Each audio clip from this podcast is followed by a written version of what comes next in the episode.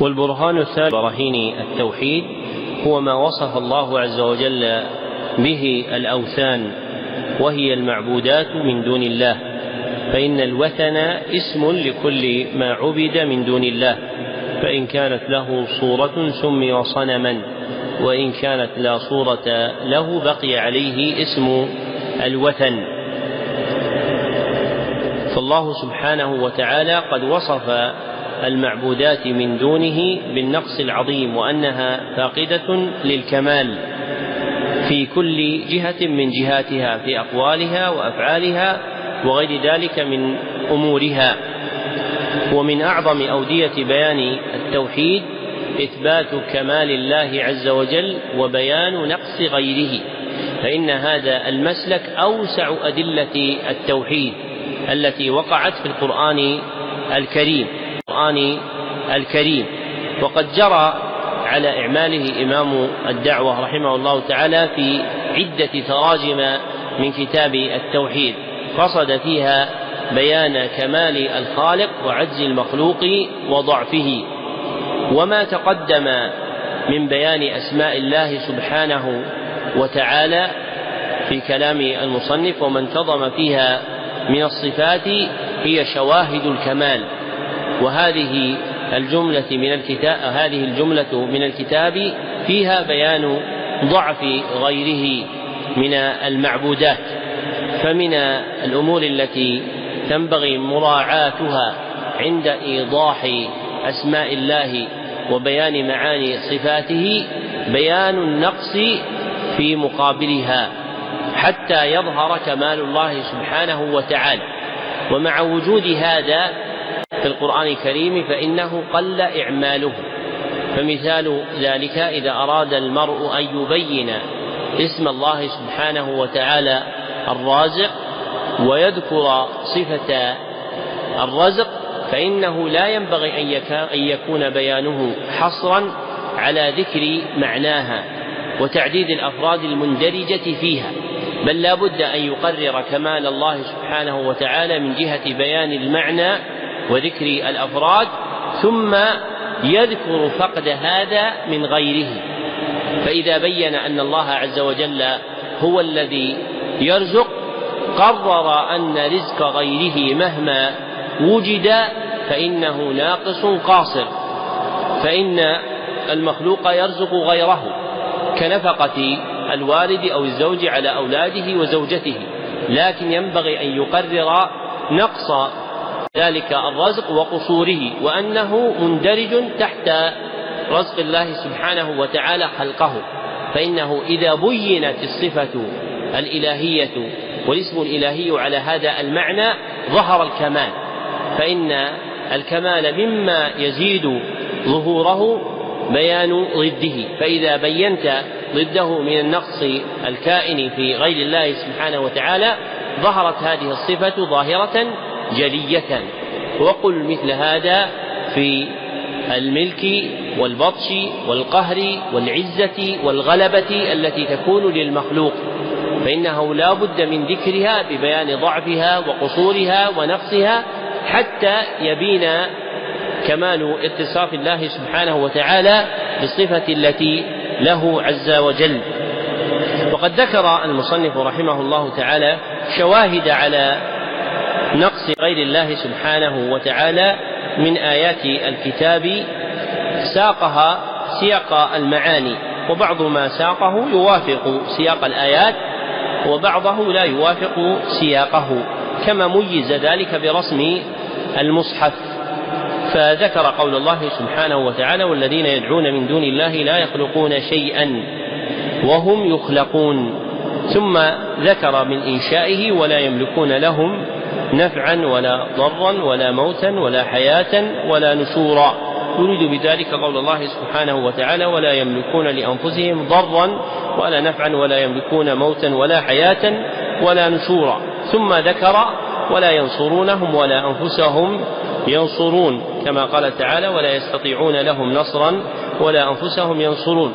ثم ذكر قول الله عز وجل في سورة الأحقاف ومن أضل ممن يدعو من دون الله من لا يستجيب له إلى يوم القيامة أي لا أحد أضل ممن يدعو من دون الله من لا يستجيب له لأن هذا التركيب وهو ومن أضل ومن أظلم ونحوهما كما تقدم يراد به أنه لا أحد أضل ولا أظلم ممن ذكر فهو غافل ضال عن مدعوه الذي يدعوه وإذا حشر الناس كانوا لهم أعداء أي جحدوا بعبادتهم وأنكروها وعادوهم وكانوا بعبادتهم كافرين.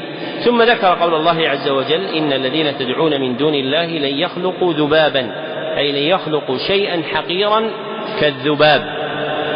والذباب اسم يشمل كل ما ذب عن الوجه فلا يختص بالحشرة المشهورة عرفا بذلك. فإن الذباب في الوضع اللغوي يشمل كل شيء حتى النحل. فإن النحل يسمى ذبابا بهذا الاعتبار أي لأنه يذب ويطرد عن الوجه إذا هجم عليه. فإن يخلق ذبابا ولو اجتمعوا له أي لو اجتمع كل تلك المعبودات وإن يسلبهم الذباب شيئا أي يأخذ منهم الذباب شيئا لا يستنقذوه منه أي لا يستخرجوه منقذين له منه. ضعف الطالب والمطلوب. والطالب هو المعبود من دون الله والمطلوب هو الذباب. فإن المعبود هو الذي يرجى منه أن يكون طالبا يحصل المقصود.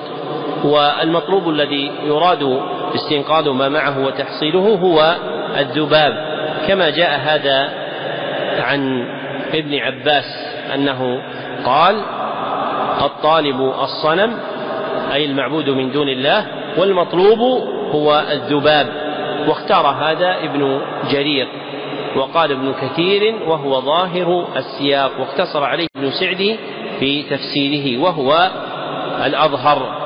ثم أتبع ذلك بقوله تعالى إن الذين تدعون من دون الله عباد أمثالكم إلى تمام الآيتين وفيها بيان نقص من يعبد من دون الله عز وجل بفقده آلات القوى فإن آلات القوى الرجل التي يمشي بها الإنسان واليد التي يبطش بها والعين التي يبصر بها والأذن التي يسمع بها. وهؤلاء فاقدون لتلك الآلات.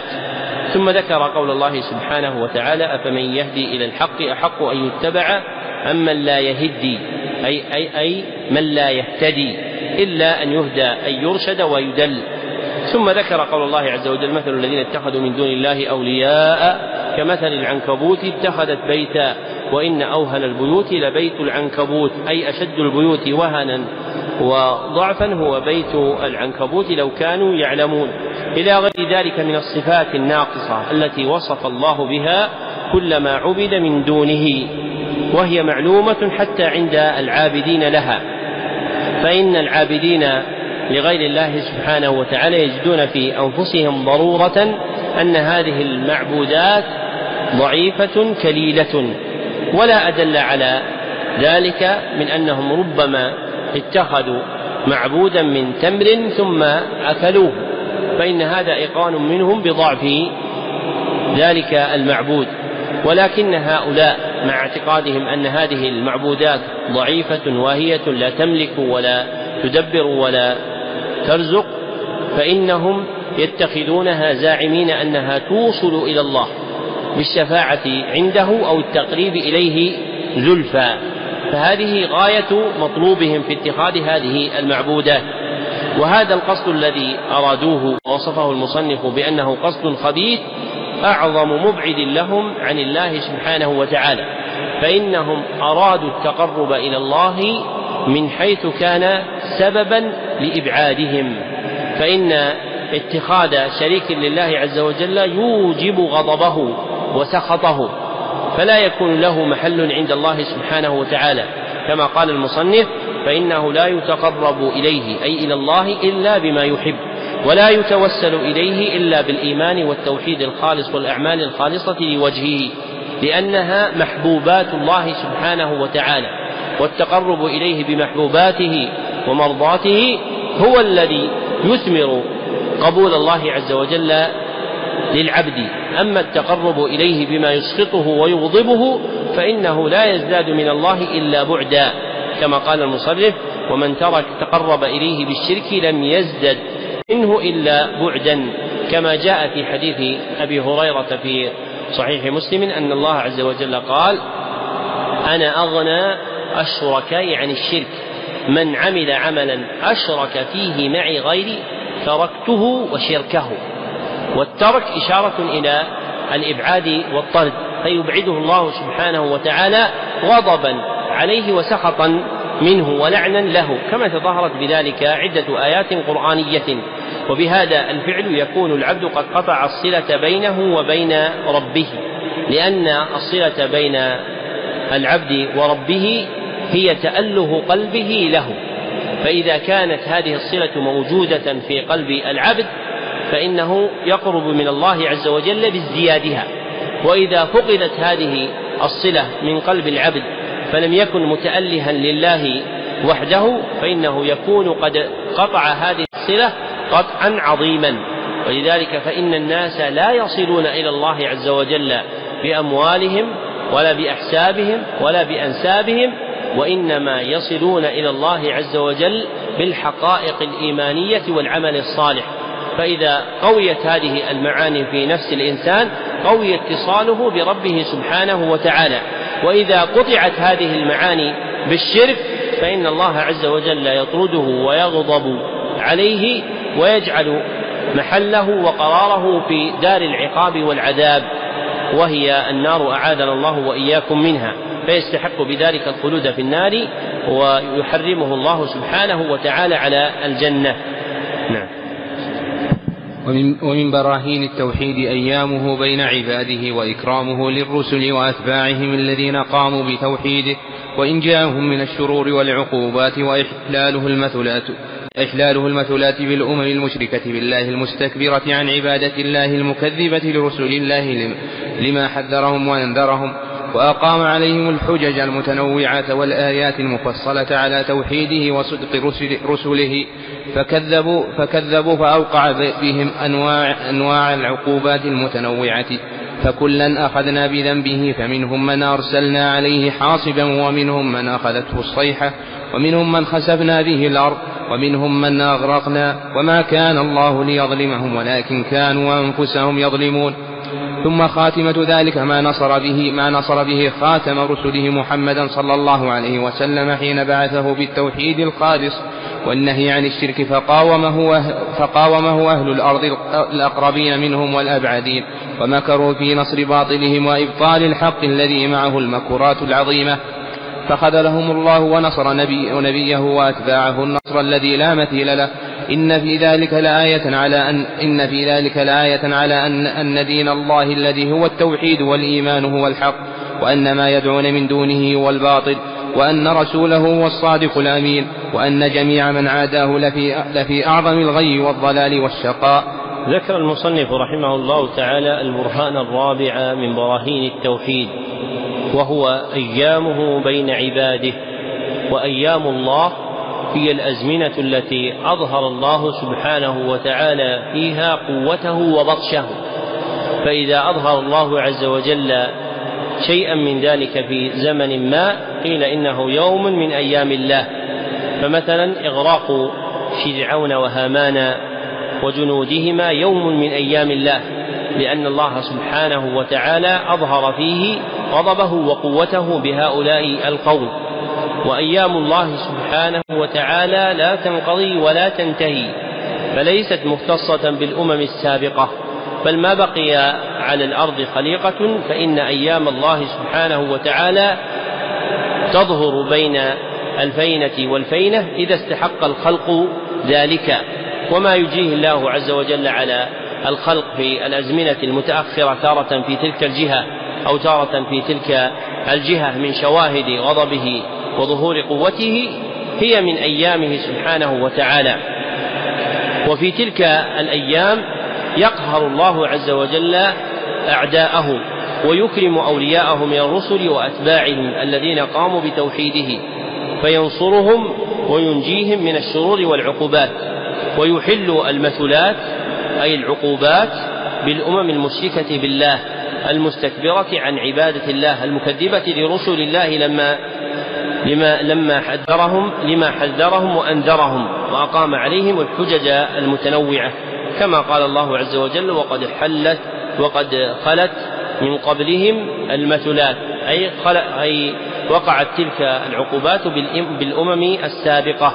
لما كذبت فأخذهم الله عز وجل بذنوبهم. كما قال الله عز وجل فأخذناهم بذنوبهم وقال فأخذهم الله بذنوبهم وقال كما في هذه الآية فكلا أخذنا بذنبه. أي كل عاص طاغ أخذه الله عز وجل بذنبه. وهذا من شواهد أن العقوبات من أسبابها الذنوب والمعاصي. نعم ليست هي سببا مستقلا بها لكنها من جملة الأسباب المؤثرة. فمن ينكر تأثير المعاصي في العقوبات إن كان مراده إنكار انفرادها فحق. فإن العقوبة قد لا تجري لأجل المعصية بل ربما تجري لغيرها. وإن كان ينكر أن يكون ذلك وقع بسبب الذنب والمعصية فهذا من أجهل الجاهلين. ومن يستدل بخلو بلاد الكفار من آثار العقوبات والمعاصي وأنها تقع في بلاد المسلمين مع كون أولئك أحق فهذا من جهله.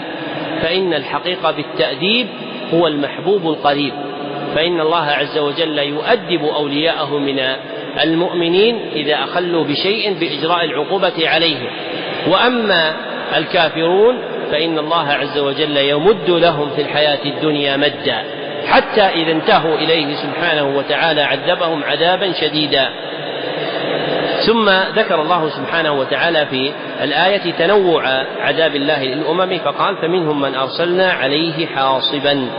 أي ريحا عقيمة تحصب عليهم التراب والحصى وهم قوم عاد ومنهم من أخذته الصيحة وهم ثمود ومنهم من خسفنا به الأرض وهو قارون ومنهم من أغرقنا وهو فرعون وجنوده ومن معهم.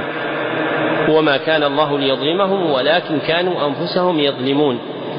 وتنويع أخذ الله عز وجل للأمم المراد منه إظهار قوته سبحانه وتعالى كما قال تعالى وما يعلم جنود ربك إلا هو فلا تتناهى عقوبات الله عز وجل إلى ما علمنا بل يظهر الله عز وجل من أنواع قدرته وشواهد ربوبيته وقوة سلطانه ما تذل له الرقاب وتتطأطأ الرؤوس وتعلم عظمة قدرة الله سبحانه وتعالى.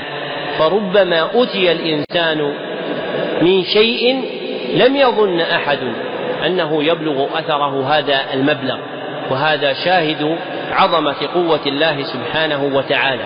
ثم ذكر المصنف رحمه الله تعالى أعظم أيام الله عز وجل وهي خاتمة ذلك لما نصر خاتم رسله محمدا صلى الله عليه وسلم لما بعثه فقاومه أهل الأرض الأقربين منهم والأبعدين ومكروا مكر الظالمين وسعوا في إبطال الحق والدين فخذلهم الله عز وجل ووعظهم قبل ذلك فلما لم يتعظوا أنزل الله عز وجل عليهم عقوباته كما قال تعالى ولقد أهلكنا ما حولكم من القرى وصرفنا الآيات لعلهم يرجعون فأهلك الله عز وجل القرى المحيطة بمكة من عرب الشام ومصر من أهل الشام ومصر علهم يتعظون بما وقع للأمم السابقة ومن جهة حضرموت في الأحقاف قوم عاد فلما لم يتعظوا وعصوا الرسول صلى الله عليه وسلم قهر الله عز وجل قريشا